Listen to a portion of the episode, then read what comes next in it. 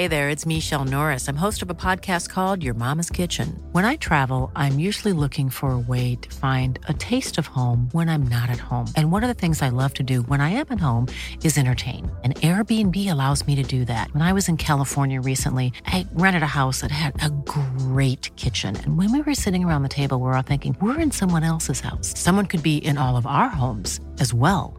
If you have a home, but you're not always at home, you have an Airbnb. Your home might be worth more than you think. Find out how much at airbnb.com/slash host.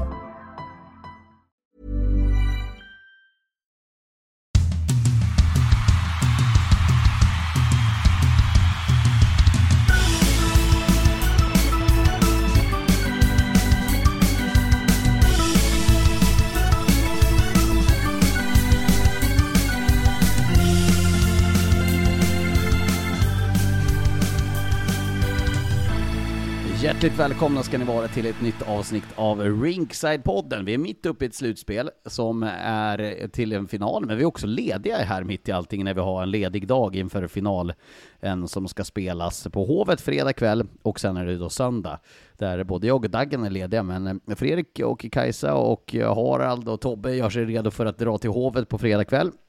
Och eh, innan vi går in på den matchen som spelades på tisdag kväll måste vi beröra det som skedde på tisdag förmiddag. För det är ju faktiskt så att eh, Fredrik fick äran att göra comeback som tränare i bås och du var pressad länge men eh, kom ut med en seger. Vilken framgångssaga. Eh, en final. Det var inte bäst av sju i det här fallet, utan det är jag tror att det var Håkan Juholt som kallade det klägget, va? när folk som känner varandra i en och samma värld kommer samman. Och så var det lite här, det var eh, hockeyfolk, det var journalister, det var eh, företagsfolk kopplat till Hockeyallsvenskan som bjöd in till det här. Och jag fick stå där, leda laget till en 5-4 seger efter ruskig dramatik kan vi säga. Och jag vet inte Dagen, vill du själv berätta om din roll? Ja, men, ganska betydande roll också. Eller vad, vad skulle du säga, coach? Ja, men Couch? Jag, eh, Man skjuter från mittzon när det är lekhockey så får man en betydande roll. Ja, men grejen är så här, 10 sekunder kvar, 5-4 leder vi med. Söderström, Niklas Sundström är på isen, åker ut självmant. Söderström Mm. har inte sagt någonting, att han ska ut och ta tekningen. Söderström, upp med fingret, Susse, kom tillbaka. Daggen, in, ta teken. Jag litar på dig, tittar han på mig med. Nej, alltså de ögonen har jag aldrig sett förr från Söderström också. Jag litar på det nu. Klockrent tek, rätt bak, seger. Så Det är inte många som Susse, har plockat av Niklas Sundström med 10 sekunder kvar tek egen så. Men vi gjorde det, det var framgångssaga. Men det ska ju också sägas i det andra laget Dagen. Vill du, jag lämnar eh, ord och bild till dig. Nej, Jag tror, jag tror nästan att Lars, eh, den kaxiga, den kaxiga målvakten, som har byggt upp det under flera dagar och sa att det ska bli så lätt och jag ska ta dina skott och det ska, det är så lätt att stå i mål. Så du kan väl få berätta Vi själv vad låter som Lars hände. berätta först, Ja. sen kan vi säga vad vi tänkte, trodde och hur rätt vi fick. Ja, ryktet började ju sprida sig där under eh, söndagen och måndagen att jag hade tackat ja till att stå i mål. Och det var ju, eh, det första som hände var att Daggen satt i en och en halv timme på vägen från Umeå till Örnsköldsvik och sa första slagskottet ska sitta mellan ögonen och nästa i pungen. Var djävulskt kaxig. Men jag var också lika kaxig tillbaka. Exakt. Men jag var lika kaxig och sa det, jag ska inte släppa en jävla puck. Det börjar med att jag kommer in i omklädningsrummet, ska ta på mig grejerna. Bredvid så sitter det, eh, han som ska stå i mål i andra målet. Och eh, det är ju då alltså Linus Carlén som har varit med och, jag vet inte om han har grundat Nocco, men han jobbar åt Nocco, de här tyngre. Och han har ju en fysik därefter. Han är ju så vältränad så han skulle kunna bryta av mig på mitten och slita mig och kasta mig i en teckningscirkel i i vardera zon. Men han, nya grejer såg ju hur proffs ut som helst. Jag var helt slut redan när jag hade tagit på mig grejerna. Jag hade inte ätit någonting, förutom en liten fiskbit till lunch. hade inte druckit någonting. Efter två perioder, då hade jag varit ute och spexat lite grann. Satt stopp i mål, vi ledde med 2-0, plockade ut mig själv och spelade 6 mot 5. Eh, allting gick bra. Adam Johansson på Expressen var framme vid något tek och kaxade upp sig lite grann. Då åkte handskarna av och han skulle få stryk såklart. Men sen efter, det kom fem minuter av andra perioden så kände jag att min balans har börjat svikta ordentligt och så kände jag att jag håller ju på fan på att svimma. Eh, så efter ett tag så fick jag ju bara slänga in den vita handduken och säga det. Jag ska ju faktiskt jobba ikväll. Jag var helt dränerad på vätska och svimfärdig. Jag var, jag var faktiskt rädd för att du, du skulle dö. Det såg nästan ut så. Men vi pratar ofta om. om, eh, i lag så är det ofta spelare som har lite dålig självinsikt. Och, och Lars, du stod alltså uppvärmning fem minuter och, och räddade sex skott. Det var det du gjorde på matchen. Ja, men det var väldigt jobbigt. Det blir Det är varmt första bak. gången, efter över 20 år som tränare, så är det första gången jag och motståndartränaren strålar samman för att i enighet oroas över eh, hans målvakts förfall. Så vi lämnar alltså bänken för att verkligen kolla upp Eh, och då var oron steg i Hägglunds arena eh, i väntan på klara besked. Han lever, han lever, då kunde matchen fortsätta. Alltså, det, var, det, var, det spreds ju som en löpeld där också. Det var ju inte så att folk hade missat att jag hade klivit av den där matchen. Hånen stod ju redo, men folk var faktiskt rätt snälla. Det var Johan, Mr. Mad och Svensson som var coach i det andra båset som kom med Resorb och såg till att jag överlevde det här. Eh, men ja, den matchen, det var kul att, att mötas. Daggen var ju faktiskt kanske MVP i matchen, om än han tog det kanske lite väl seriöst och började skjuta slagskott från egen blå.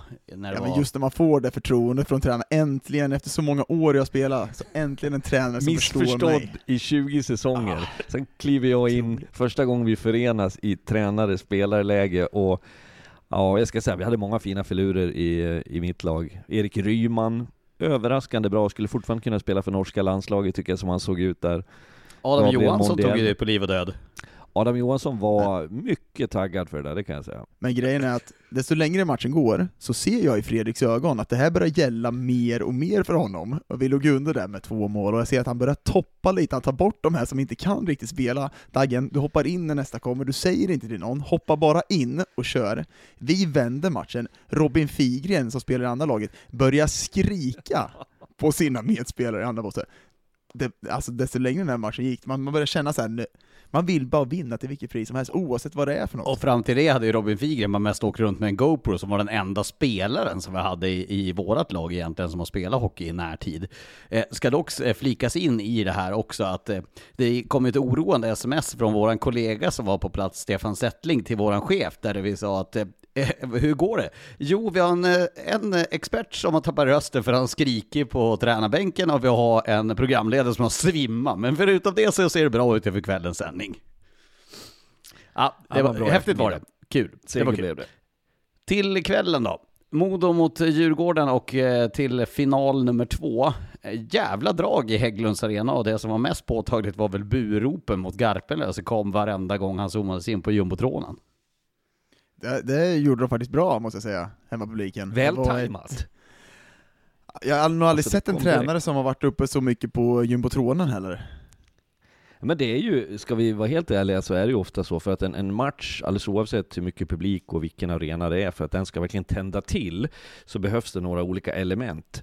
Något halvrisigt domslut, en bra prestation och framförallt den där typen av när, när man Känslan är bland publiken att nu ska vi tala om för Garpenlöv att hörru du, så där uttrycker man sig inte som man gjorde efter första matchen. Så det där ger ju energi till, eh, till hela upplevelsen.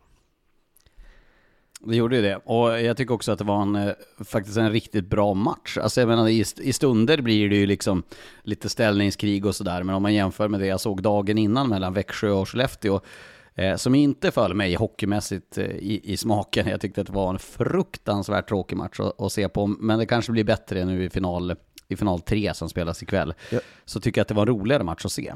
Jag tror, ja precis, underhållningsmässigt var det roligare såklart, det hände mer, det var mer öppna spjäll åt båda hållen, men jag tror trä för tränarna, jag vet Fredrik, om du hade varit tränare i ena båset, det, det var ju verkligen målchanser man släppte till, man bjöd andra laget på målchanser och kollar man på vad, vad som ska vara vinnande i längden i en finalserie, ja man kanske måste vara lite tråkig. Vi ser Modo som trycker på spelmässigt, men är det vinnande?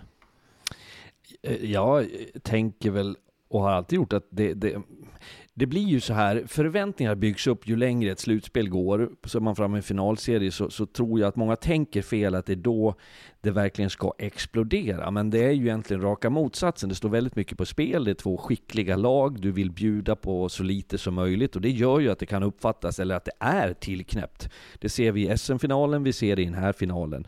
Det som jag tycker händer i match två är ju det du är inne på delvis Dagen, att det är mer öppet och det kom ju också ur slarv. Jag tycker att det är situationer i första perioden framförallt som är, det är en del felpassningar, svårt passningsspel, det är man tappar folk högt upp i banan och de här båda lagen är ganska duktiga i sina kontringar och omställningar och då, då blir det öppningar. Så att man, vill man få den bästa hockeyn och frågan är, det är ju subjektivt, vad är en, vad är en bra hockey? Är det 9-8 och en massa tacklingar? Är det slagsmål? Vill jag se smart tänk? Det är lätt att klaga på Växjös sätt att spela på. Och det här har jag sagt så många gånger under säsongen, men jag säger det en gång till.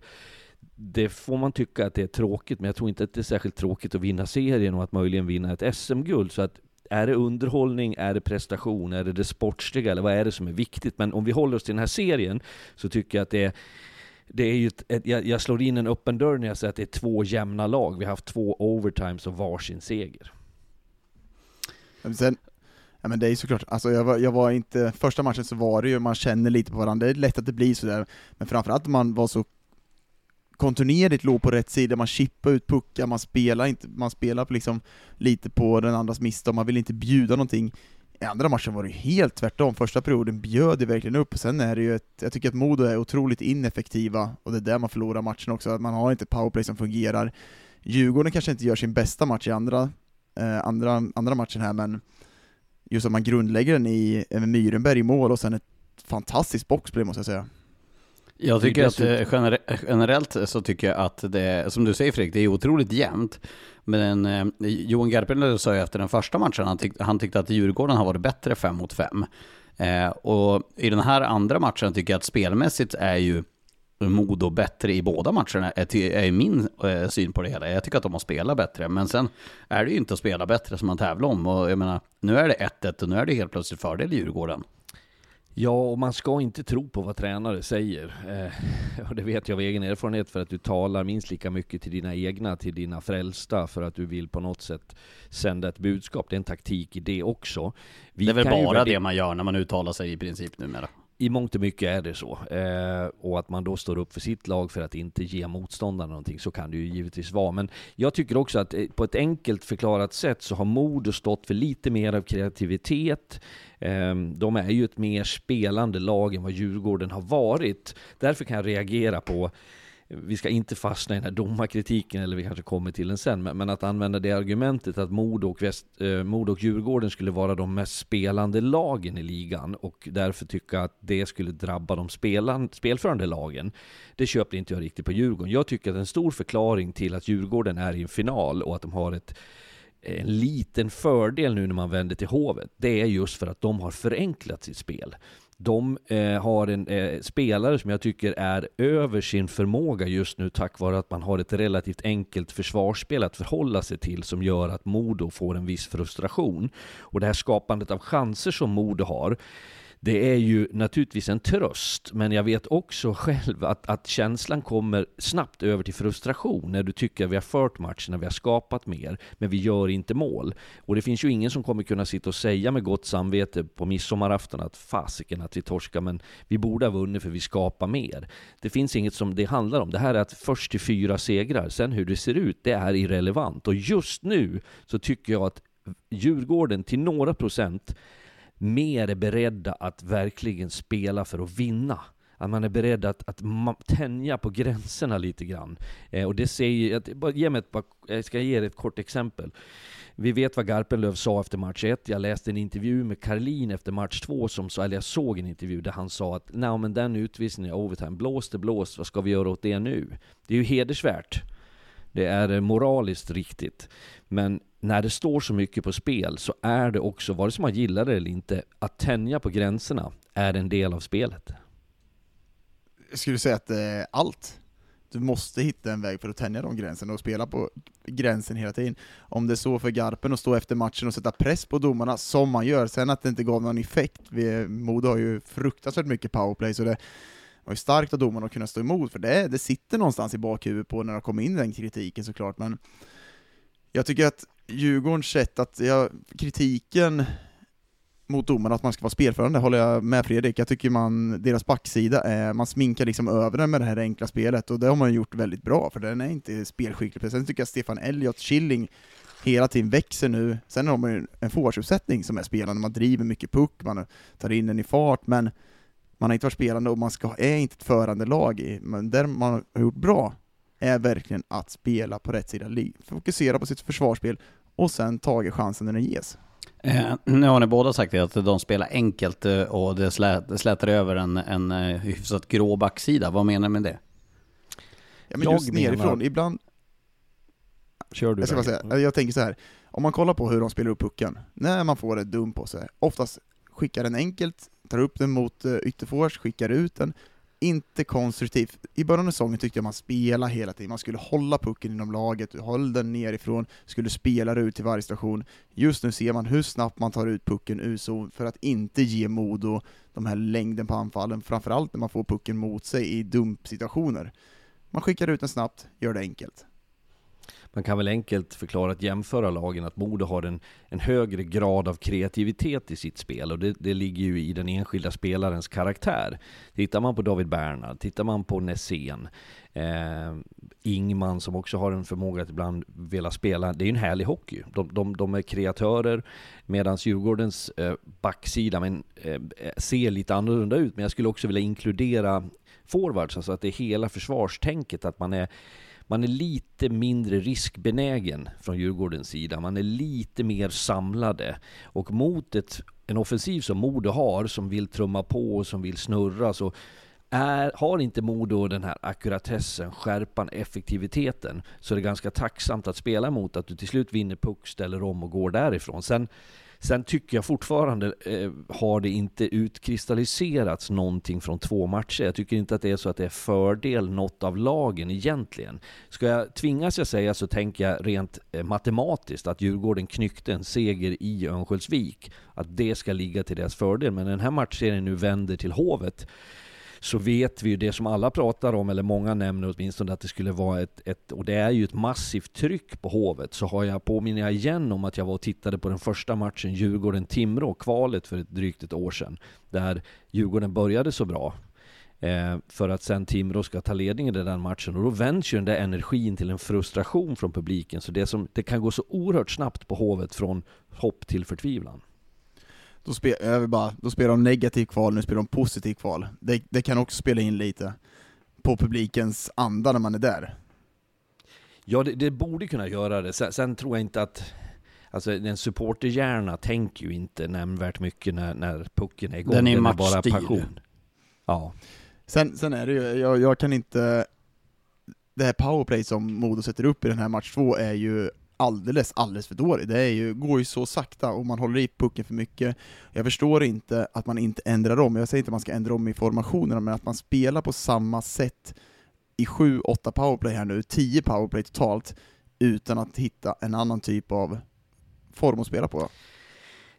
Ja, samtidigt så, så säger vi ju alldeles nyss att de skapar, och de skapar även i powerplay, briljanta chanser. Så hade man, hade man gjort mål på två eller tre av de liksom, 12-15 kvalificerade chanserna så hade det inte varit samma frustration. Så att det, det finns väl en, om jag försöker tänka hur de tänker i båset och i laget så är det ju så att det här förlitar vi oss på. Men jag är tämligen övertygad om att vi kommer se korrigeringar inför match tre när man hamnar i, med den här vetskapen och den statistiken att man har gjort för lite mål. Det handlar ju om vilka som spelar, det handlar om vilka positioner du har, det handlar om vilka prioriteringar du gör i ett powerplay. Men sen är det också de här som vi hade bra bilder på senast och som jag vet att vi kommer prata om i match tre här också, just det här att det tar sån tid. Och, och tittar du på, om jag generaliserar, ett bra powerplay idag så är det bra pucktempo. Du kommer till snabba avslut, du ställer boxen, du skapar problem för målvakten. Där tog det tid. Jag tycker att de gör det väldigt enkelt för Djurgården. De spelar med det här paraplyt, paraply, du ställer tre stycken, Lars du är bättre på att förklara, du ställer en upp, du ställer två på kanten, Woods, när sen ska skjuta, eller Nässén skjuter ju knappt, men nu släppte han ju några skott innan. Det gör väldigt enkelt, speciellt när du inte spelar med någon bakom mål. För då kan också Djurgården fokusera på att ta de här skotten, då har man en centralt och tar Dickinson framför. Du, får- de, de behöver inte vrida på huvudet åt Djurgården just nu. Jag, jag skulle vilja se att, om jag bara skulle titta hur jag skulle vilja spela det där, så skulle jag spela nerifrån mål, bygga det bakom Djurgårdens mål för att få dem att vända på huvudet och sen komma på attack. För just nu när de försöker spela det här genomspelet, om de inte har kommit till skott innan så kommer de att inte få isär den här boxen. För just nu försöker de hitta den perfekta passningen hela tiden, och den kanske hittas någon gång, men de måste få ordning på det här, för då, för det, det är det som fäller avgörandet i den här matchen. De två, de två stora problemen som jag tycker att eh, man kan se, det är ju att eh, de har en som vill skjuta, det är David Bernhardt, och Riley Woods har för dåligt självförtroende för att skjuta när han får passningar som är ja men som är 90-procentig. Och när scenen skjuter om man blir illa tvingad till det. Eh, det gick med att den rightarskytten, och vi kollar på Lekkerimäki till exempel i Djurgårdens powerplay, han är ju skottredo hela tiden. Danielsson är skottredo, Klasen är inte skottredo, han är ju inte där för att skjuta heller. Och han gör det väl när han absolut måste, lite likt Nässén och Dickinson som du är inne på, att istället för att spela ner eh, bakom mål för att få den, de har ju den här klassiska rollen som man har på första stolpen till den styrande sidan, att Dickinson kan gå ner där för att få ett inspel mot Vela. Men den passningen har de ju aldrig lyckats hitta. Passningen från Dickinson in till Vela, i så fall har ju Dickinson försökt vrida in själv. Och det har han ju inte lyckats med än så länge. Han var ju bra på det innan skadan, att ta sig in framför mål och skapa chanser från den sidan. Men Djurgårdens kompakta box gör ju att de har inte tid till det. Sen är det ju, när Sen kläppte iväg skott, Linus Claesson kläppte iväg skott senast, det händer saker när de gör det, det blir också mål när man gör det. Jag har också uppfattningen att Djurgårdens sätt att spela boxplay eh, är en förklaring. Jag tror inte att det går att säga att det är det är Modo enbart som inte får igång sitt powerplay. Jag tycker att Djurgården är väldigt systematiska, de har förmågan att en sån liten detalj som att vinna tekningarna, som inte är en liten detalj utan en stor sak, eh, kväva ett antal sekunder, fräscha gubbar in. Jag tycker att man hittat en timing och ett väldigt genomtänkt boxplay. Sättet man, man ligger rätt, sättet du använder klubbor, tar bort alternativ. Så att såklart så är det där någonting som möts och en oerhört viktig nöt. Och det är ju ingen hemlighet som vi får Nobelpriset för när vi pratar om att special team har betydelse i ett slutspel och för vilka som går upp. Så att är det någonting man jobbar med i synnerhet i Modolägret de här dagarna de har ledigt så är det ju att titta på video, att prata alternativ, att snacka med spelarna, att nöta på det för att på något sätt hitta ett, ett hål i det. Och den sista punkten, det är en mental aspekt. De här två matcherna vi såg i Örnsköldsvik, så tyckte jag utifrån vår position som är i stort sett på bänken där vi står, så ser man inte den här självklara energin när du får ett powerplay, utan det är snarare en oro att vi inte ska göra det där målet. Och det är nästan svårt att förklara hur mycket det mentala spelar in. Plus att Djurgården då, som med sitt boxplay, har fått energi, hur mycket de än är bedrövade och förbannade över utvisningar, men reder du ut dem så stärker det ett lag. Eh, och eh, en annan grej som är med, mer där, handlar ju om den här matchen, att det är, vi har ju sagt att det var mycket målchanser i den andra matchen. Men det är också två målvakter. Båda har väl egentligen släppt varsin puck som de borde ha. Att eh, Gudlevskis borde väl kanske ta Lekkerimäki skott i nu match två.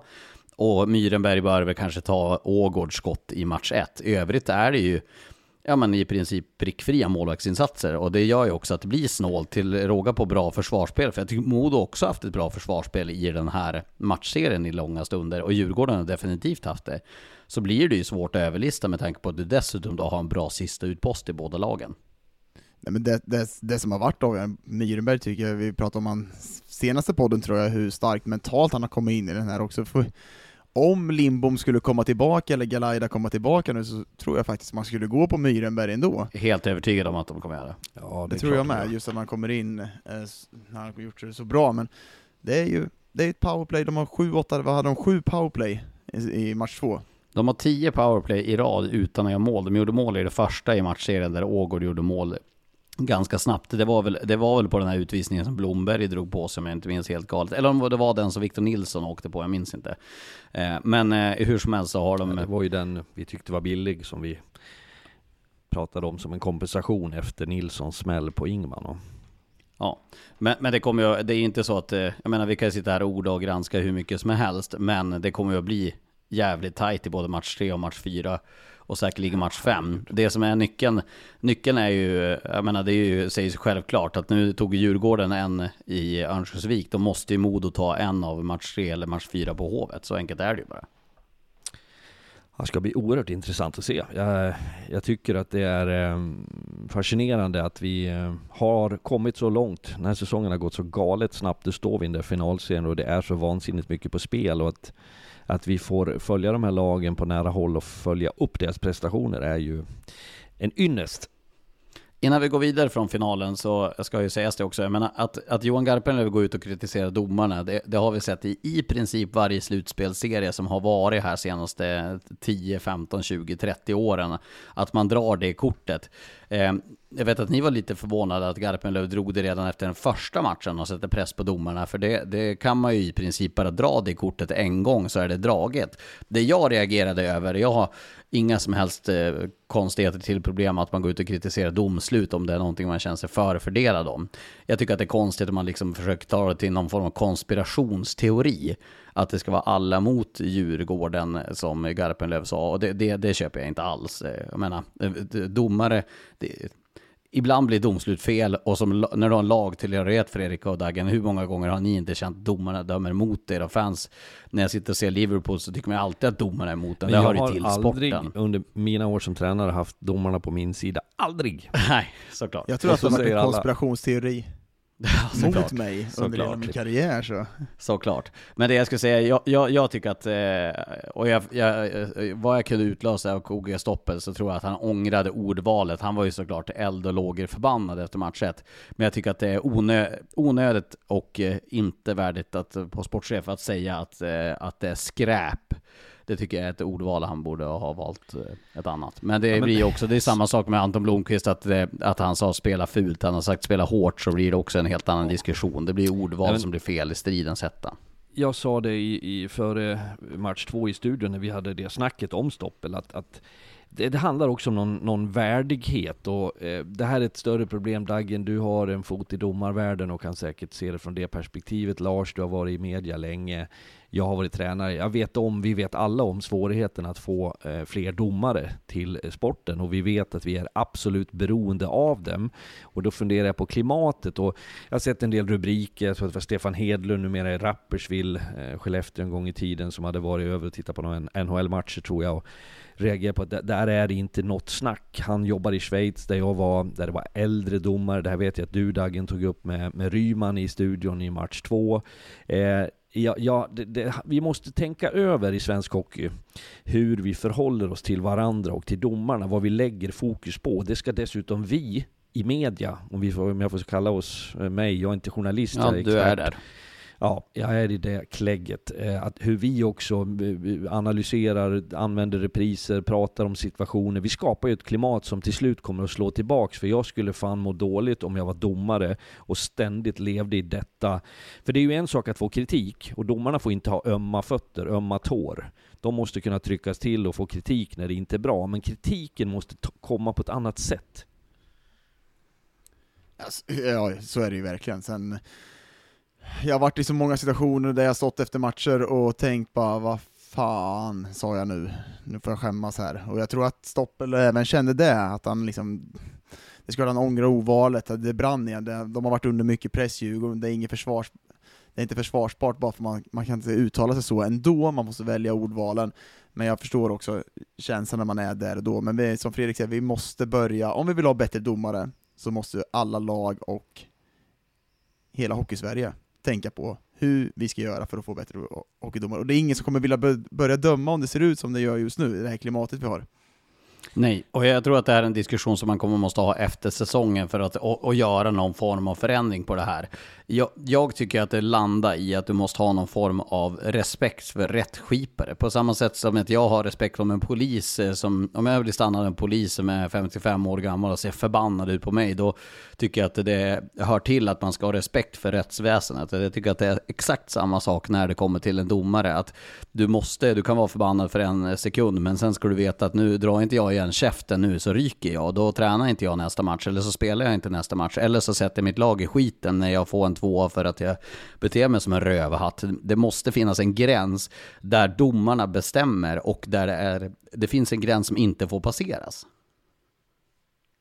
Jag ska vara helt, jag har, dömer ju nu och får se om man ska döma vidare. Men en sak som gör att jag inte kanske vill döma vidare är just det klimat vi har med sociala medier. Jag vill inte att min, mina döttrar, när jag blir äldre, ska behöva utstå det som det, det är just nu, för det är sjukt hur det ser ut. Eh, och ska jag vara då domare eller vara i den positionen så kommer de läsa det någon gång om mig, vad jag är för Ja, någon. men, jag, jag menar, det, det är bara att, att konstatera att, att återigen, folk, folk har en tendens att blanda ihop begreppen. Kritik måste man kunna tåla. Eh, man måste kunna utstå tuffa situationer, massivt tryck i arenorna. Eh, men det som blir nästa steg? Och det här tror jag inte alla riktigt tänker på. och Det är långt ifrån alla människor som beter sig som idioter. Men vi, jag har läst några eh, av meddelandena som domaransvariga har fått till exempel. Jag kan gå till vad jag och vi får till oss under en match som i matchserien eh, Björklöven-Djurgården eller nu under de här inledande två, folk som skriver via sociala medier eller på annat sätt kontaktar för att vi uttrycker oss jag skojar och sa, jag fick ju till och med under påsk när jag var ledig så är det folk som skickar dumheter till mig fast jag inte ens jobbar. Då, då är det ungefär som att de, de hör inte ens vem som säger det, men jag måste skriva till någon. Och det, det tycker jag över det övergår mitt förstånd och det, det, är vidrigheter som folk får till sig för att folk tappar omdömet fullständigt och att då nästa steg är, då kan vi inte sitta och vara fundersamma varför folk blir hotade eller varför folk lämnar sina uppdrag. Jag menar, all rimlighet är passerad.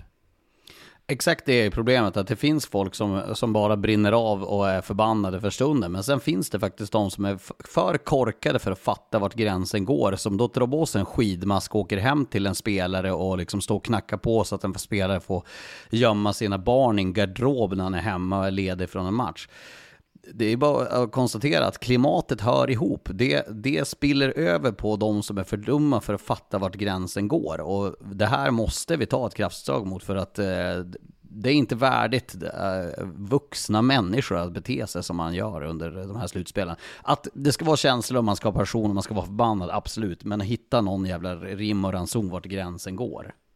Sen, sen, sen är jag, vi var inne på det i sändningen, du och jag Lars intervjuade Ryman, jag är lite orolig för den här generationsväxlingen vi har i domarna. Jag tycker att det går, liksom hela samhället, det ska gå, så som vi ser spelare, det ska gå så jäkla fort upp snabbt. Vi ser nu heltidsanställda domare som dömer 80 matcher. Förr i tiden så dömde de kanske 12-13, de kom in successivt i det. Vi ser i SHL. De unga nya tar, ja.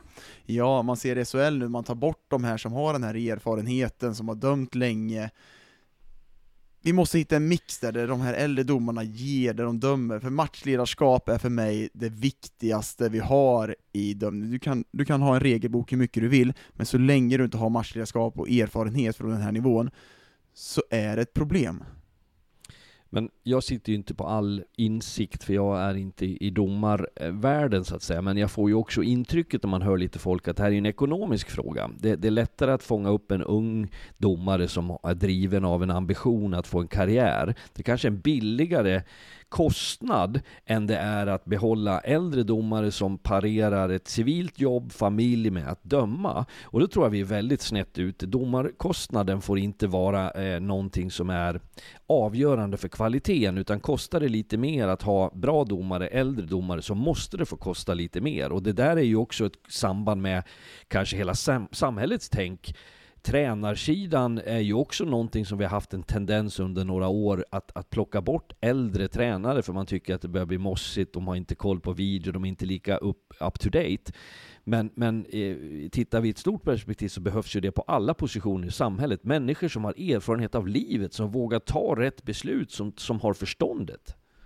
Det är lite en åldersdiskriminering på det här. Jag menar, kolla till, eh, till det landet där jag följer mycket idrott, NBA och NFL. Det absolut viktigaste och, som du har i din, ditt CV, det är, det är rutin, meriter och livserfarenhet. Du har varit med och stått när det blåst under lång tid. Och jag menar, det må, Sverige är ganska dåliga på att uppskatta den typen av rutin.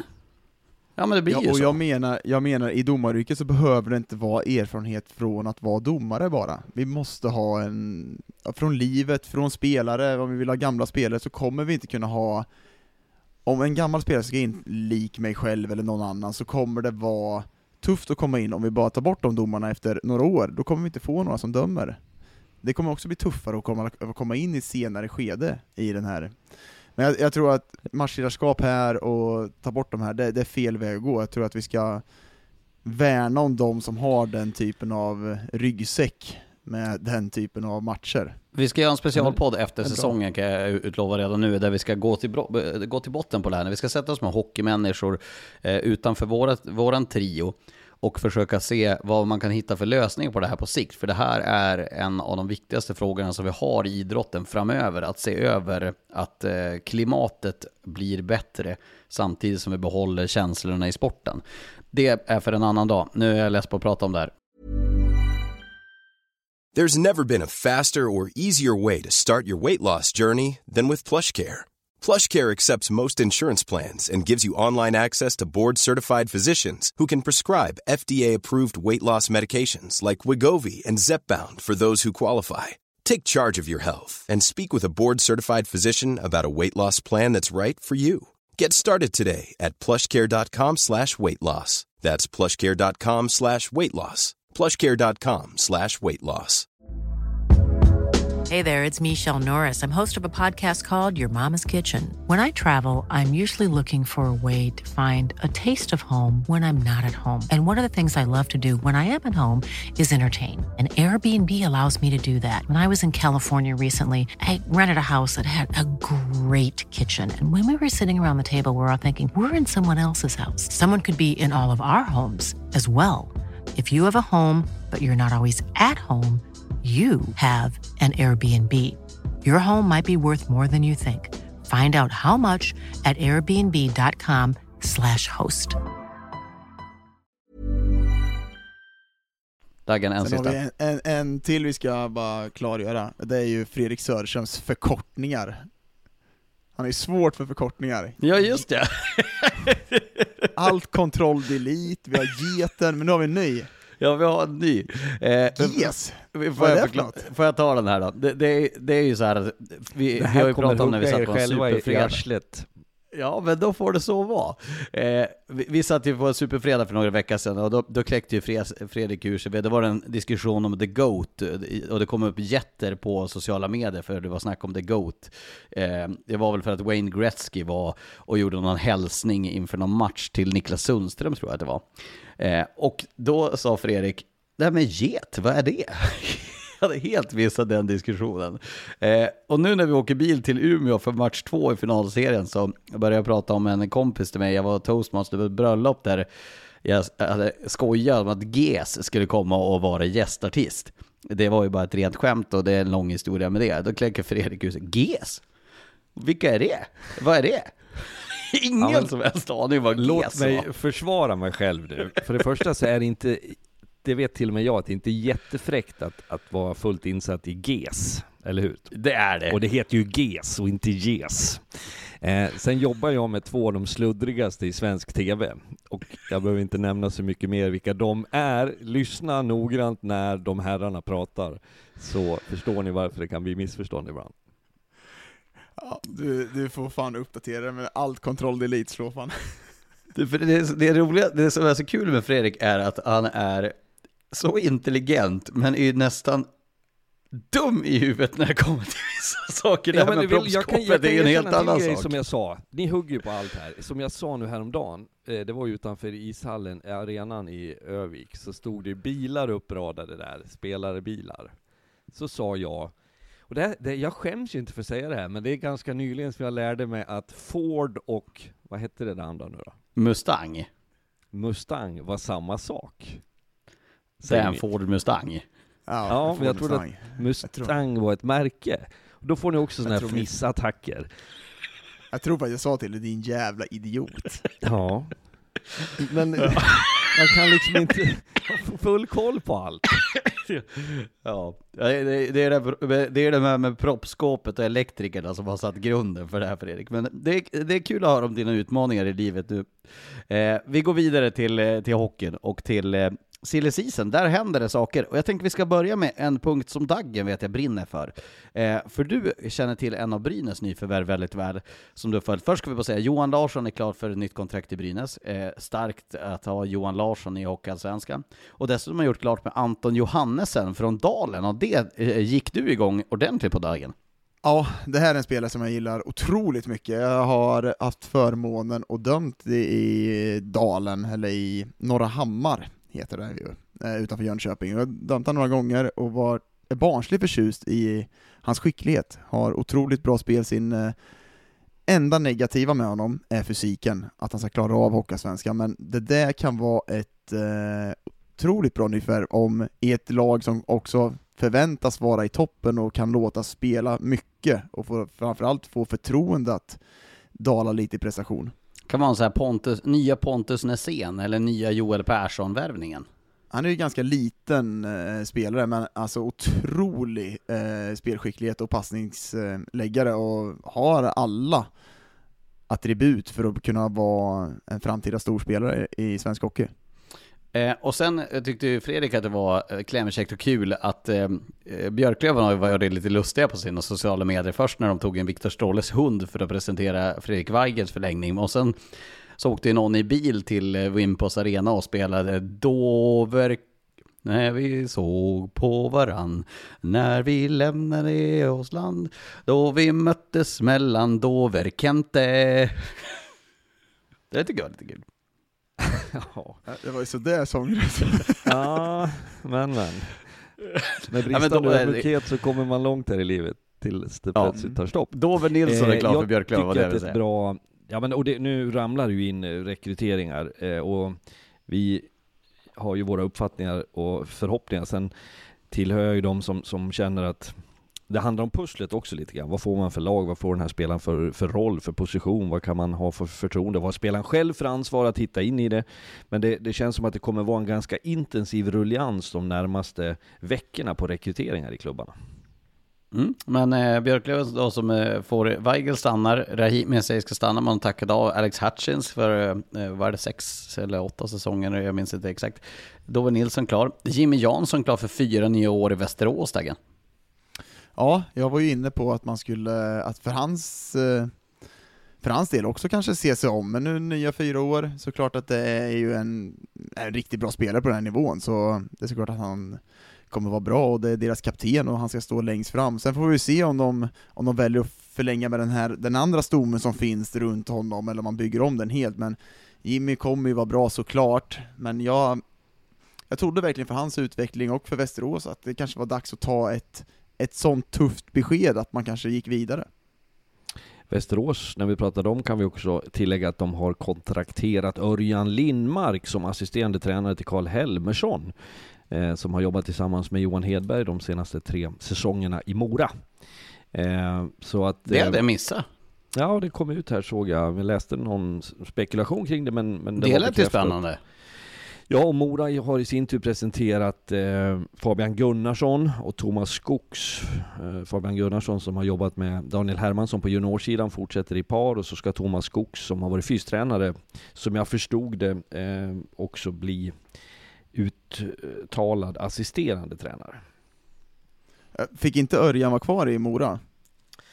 Jag, jag vet inte hur turen har gått. Jag, jag, känner Örjan Lindmark sedan gammalt och vet att en väldigt klok eh, eh tränare. Var väldigt duktig spelare på sin tid utan att få rubriken en sån där som jag, alla tränares dröm fantastisk graciös skridskoåkare, spelade enkelt, eh, tog inte så mycket plats, ingen stöddig rackare utan väldigt ödmjuk. Har ju varit så i tränarrollen också. Jag tror att han tillsammans med Johan Hedberg är en stor förklaring till Moras trygghet under de här säsongerna.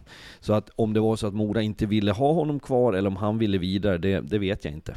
De bytte ut hela tränarstaben. Peter Iversen har ju lämnat också, så det är väl naturligt att man byter ut många av, eh, av positionerna när man väl byter tränarstab. Ja, men jag trodde faktiskt om de skulle ha kvar norr, no, någon, så hade det varit Örjan man skulle ha kvar i den positionen, just med att man har mycket spelare in, mycket spelare ut, man vill ha någon slags kontinuitet på någonting i Mora, så trodde jag verkligen att Örjan skulle vara den som var kvar och stod eh, bredvid eh, Hermansson. I det här båset, nu tappar jag Hermansson. Hermansson. Hermansson.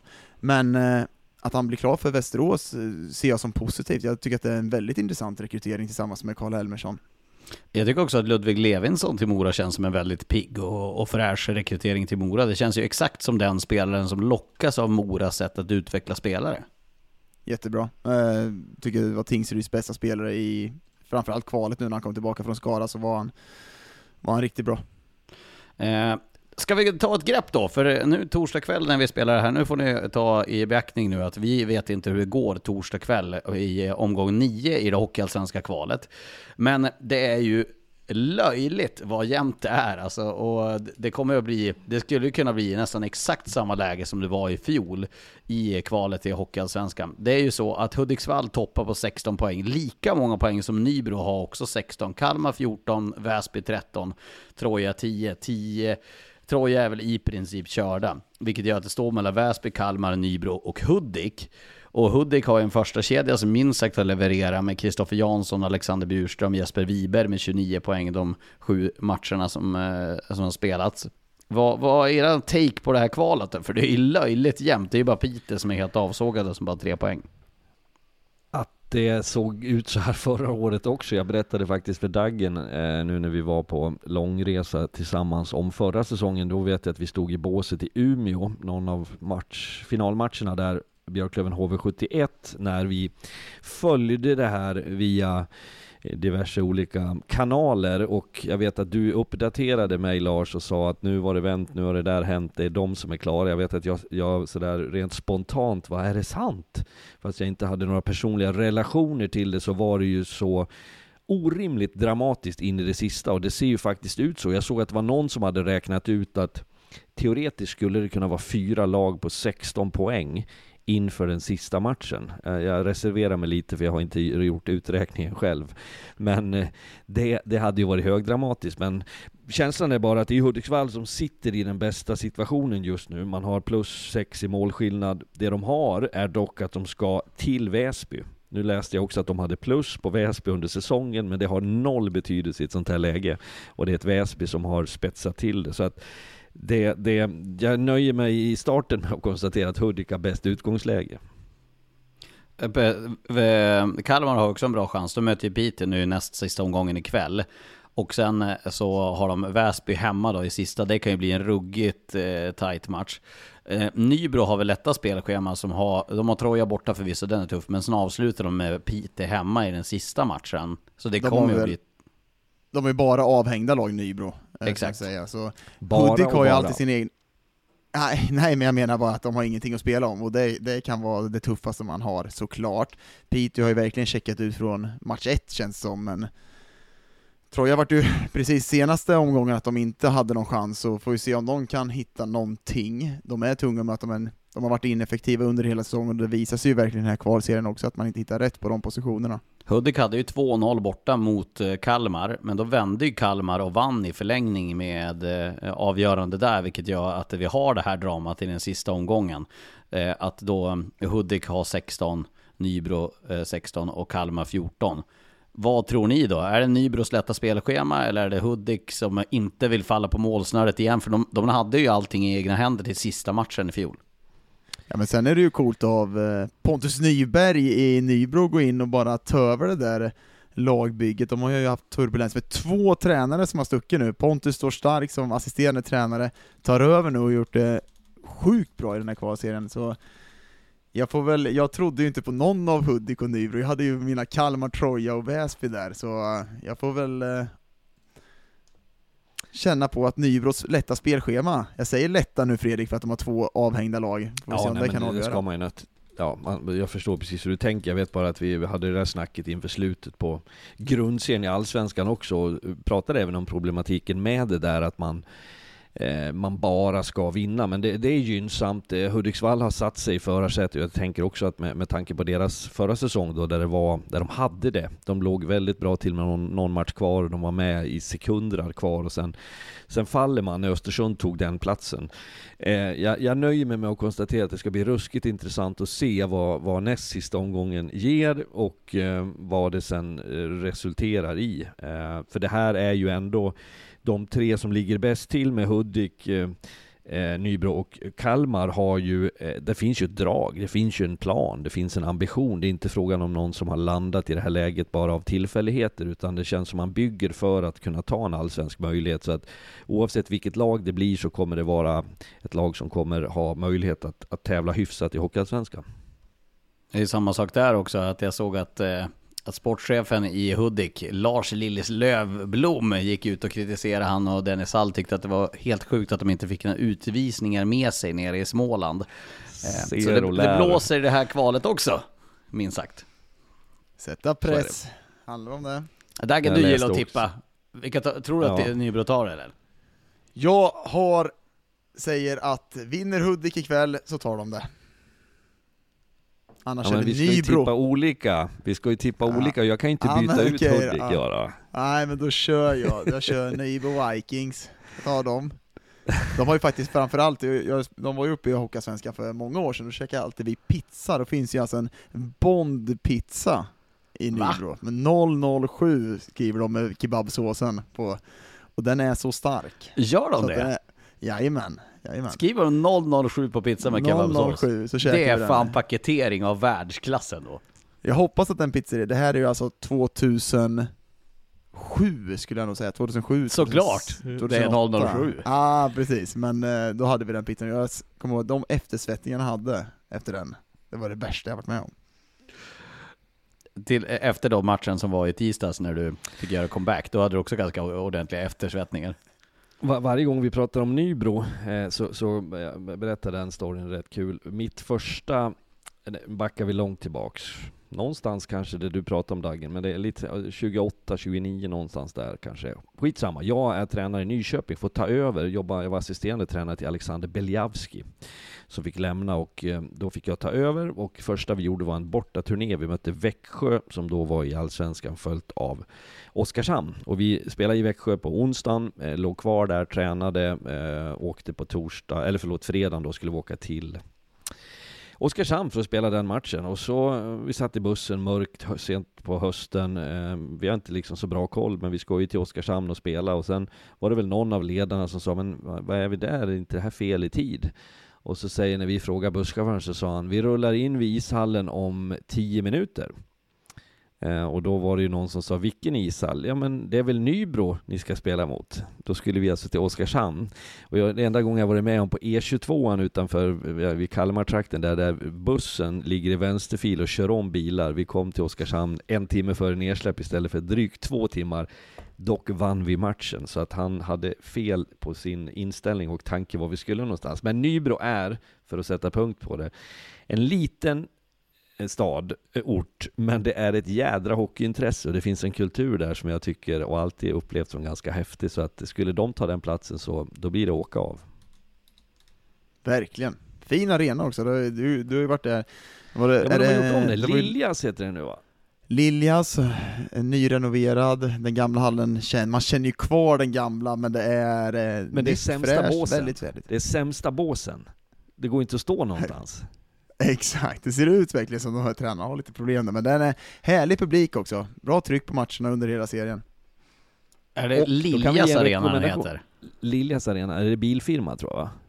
Men jag tänker också att den som vill bli mer påläst om Nybro, bara för att få en skrattstund, ska ju gå in och lyssna till, titta på den eh, så Nej men vi, jag klipper in den. Jag klipper in den här. okej, jag klipper klipp in den. där. Eh, Det är ju en ruggig klassiker. Vi, vi, vi avslutar podden med, eh, med klassisk referat eh, som finns på Youtube. Det är ju faktiskt ett av de roligaste klippen som Ah, går att lyssna på. Så jag slänger in Fattar det. det. Det här blir en liten teaser. Det kommer som avslutning på podden. Det är väl, om jag inte minns helt fel, så är det någon form av webbradio där det är en, en lokal profil som kommenterar en match för Nybro. Det här måste ju vara 20 år sedan. Ja men och Ja. det ska också tilläggas att han var på, på P4 Kalmar. Han har jobbat på, på radion på riktigt så att säga. Håkan Lönngren heter han. Precis. Men slå Eh, han en- på käften. För fan! Slå gärna! Håkan Ja, det är Lönngren, underbart, det är underbart. Ja, jag, jag ska lägga, jag jag ska göra ska lägga in grabbar? det. Vad sa du? Ska på SM-final och inte jobba och bara gå dit och njuta och ta en bärs, ska jag göra. Fan vad trevligt. Trevligt. I Vida. I Eller Vida får du Arena. sitta i hallen SM-final. bredvid? Nej, inte Lake Nej. Room, jag får sitta i Vida idag. får jag. Det ska bli underbart att få gå dit. Ja, Det är är faktiskt ju något fint att gå speciellt. och se på hockey på läktare. Och Fredrik, vad, hur ska du konsumera finalerna i helgen då? Vi är ju lediga både... Nej, nej för fan, du jobbar ju. D- Daggen, hur ska du Ja, ja. konsumera finalerna fredag och söndag? För både jag och du är lediga fredag och söndag. Jag ska framförallt sitta i soffan, njuta av Fredrik och Kajsa och Harald och Tobbe. Så eh, det kommer bli underhållning såklart. Och Hovet, så som det har varit, eh, den elektriska stämning som har varit där på Hovet, det är ju en extra kraft såklart. Så får se vilka som kan hantera känslorna på rätt sätt. Ja, en liten Skit i oss, fokusera på härlig hockey, för det kommer det att bli. Jag är tämligen övertygad om det. Visst får man känslan att förväntningarna plötsligt landar exceptionellt mycket på Djurgården plötsligt? Ja, Så lite så är det faktiskt. Jag, Jag jag får faktiskt... eh, hemmaplansfördel nu. Jag har faktiskt eh, funderat, jag, jag har ett ärende i, som jag ska behöva göra i Stockholm nästa vecka och nu vet vi inte om det blir match 6, så jag är faktiskt lite lur på om jag ska dra ner bara för att se matchen på plats på söndag bara för att jag är så taggad på att se matcherna, trots att jag är ledig. Det är, ah fy fan vad hett det är. Det, det är ju faktiskt eh, en grym final. Alltså jag menar, det är spänningen och liksom, nu tycker jag att de börjar bli lite sura på varandra. Det är fortfarande lite fysik i den här finalserien än vad, det, vad man hade förväntat sig. Framförallt när man kommer från semifinalen mellan Björklöven och Djurgården. Men eh, det är ändå underhållning av väldigt, väldigt hög nivå ska jag påstå. Fredrik, vad tycker du? Jag håller med, det, så är det. Och jag tycker inramning alltifrån hur nu har vi sett i Örnsköldsvik två matcher eh, fullsatt, det är eh, tifon, det är musik och ljud och ljus som är på ett sätt som gör det eh, man får lite rysningar, jag tycker att lagen också bjuder till. Sen kan man ha tycke och smak om vad det ska vara för, för, för karaktär på matcherna, men nog, nog, är det kvalitet, det är två värdiga lag, det fortsätter vidare. Så att det här är ju, och någonting vansinnigt vackert som står på spel, en SHL-plats. Jag tycker att det är härligt med de här introna man har börjat med, man tänder upp hallen, man har det här hymnen som går, jäkla stämning i alla arenor just nu med det som är, och de, de bjuder verkligen till, så publiken får ju fem plus i det här slutspelet måste jag verkligen säga är ju faktiskt, eh, på Hovet vet man ju att då är det alltid samma sång, men jag tycker att eh, den har ju varit lite kritiserad i Örnsköldsvik, den här förenade i Viljans vackra namn som de kör inför det. Men jag tycker att de har gjort rätt och tagit tillbaka den i finalserien nu, för den har ju faktiskt varit riktigt häftig när den har startat innan introt där, så det måste jag säga är bra. En, en, sak med det där som är intressant, som tränare eh, så är man ju väldigt eh, eh lite intresserad av vad som händer före match. Du sitter i en, eh, i en bunker, eh, både hemma och borta under eh, varje match. Du kommer ut egentligen till nedsläpp börjar, så att man missar det där. Och, och sen jag började på Simor så har jag plötsligt insett att fan, det föregås ju innan man kommer ut där någonting som är lite spektakulärt och intressant. Eh, sen har jag inte alltid uppfattat de här sångerna och låtarna och jag har dessutom ett dilemma att när de skriker, jag, jag, jag har ju svårt att höra låttexter, varför. Jag har sjungit så fel genom alla år i mitt liv, men och än mer när publiken sjunger så står jag ofta och fnissar för jag, jag får för mig att de säger någonting helt annat än vad de i själva verket sjunger, speciellt när de är förbannade, eh, vilket kan göra det hela lite roligare. Häftigt blir det. 18.30 drar igång och eh, med det så säger vi tack för oss och avslutar vi med det här fullständigt magiska klippet. Ska ni söka reda på det på YouTube så heter det Håkan Lundgren, eh, Nybro Viking som ni vill gå in och höra det här igen. För det här är förbannat roligt. 13 år sedan är det, det var alltså 2010 som Håkan Lundgren satte det, det här eh, radioreferatet eller vad det riktigt är nu, utan det är någon form av mellanting. Eh, Fredrik, jag önskar att du är lite mer så här i sändning på fredag om det är så att jag sitter vid tv-soffan. Jag ska inspireras av Håkan. Ja, det är bra. Med det tackar vi för oss och så avslutar vi Håkan Lundgren och så ses vi 18.30, det är ni som vill se final nummer tre på fredag kväll. Ha det gott, tja tja! Rätt upp i plocken, vad fan håller han på med nu? Va? 2-2 efter den första perioden, 1-0 i den andra perioden. Gör sammanlagt 3-2-ledning för Nybro efter två perioder. Satan! Skotten första perioden 16-9, andra perioden 12-10. Yes! Yes! Och första perioden var spännande, underhållande, mål och trevligt spel. Nu, nu, go! Sätt den! Så var den andra perioden rena katastrofen. Men Osborg! 18 minuter i utvisningsbåset. Det var allt från slagsmål, box, boxning, osportligt spel, på målvakter, utan målvakter. Eh, mycket otrevligt. Titta, slå ihjäl Jag skyller lite på domartrion som blåste offside och de blåste icing när det överhuvudtaget inte var i närheten är ju för fan inte över linjen ens en gång. Sami Lehtinen fick 2 plus 2 för Raffing och samtidigt fick Patrik Ulin 2 plus 2 för Raffing när de båda small ihop och började bråka. Hade jag fått en klubbjävel rätt mellan ögonen om jag hade legat där. Rätt upp hade det bara smält. Jag har inte gjort om det flera gånger. Johnny Ågren och Jonas Finnolsen hade en liten uppgörelse, fick bara två minuter var för den uppgörelsen. Där åker han! Där åker han så det visslar om att Sen hade vi Jonas Nilssons sköna skott i stolpen, en klockren sådan, 18.30. Ja men helvete, spela eller skjut! 18.45 så hade Västerås en klockren i Stockholm. Stockholm heter det inte, det heter Stopp, Stolpen. Vad fan tjabblar du om din idiot? Det var behållningen av den andra perioden. Ugh. Förutom Martin Gustafssons eleganta passning fram till brodern Henrik Gustafsson som gjorde 3-2 efter 14.47 i den andra perioden. Nybro leder 3-2. Go go, go, go, go, go, go, go!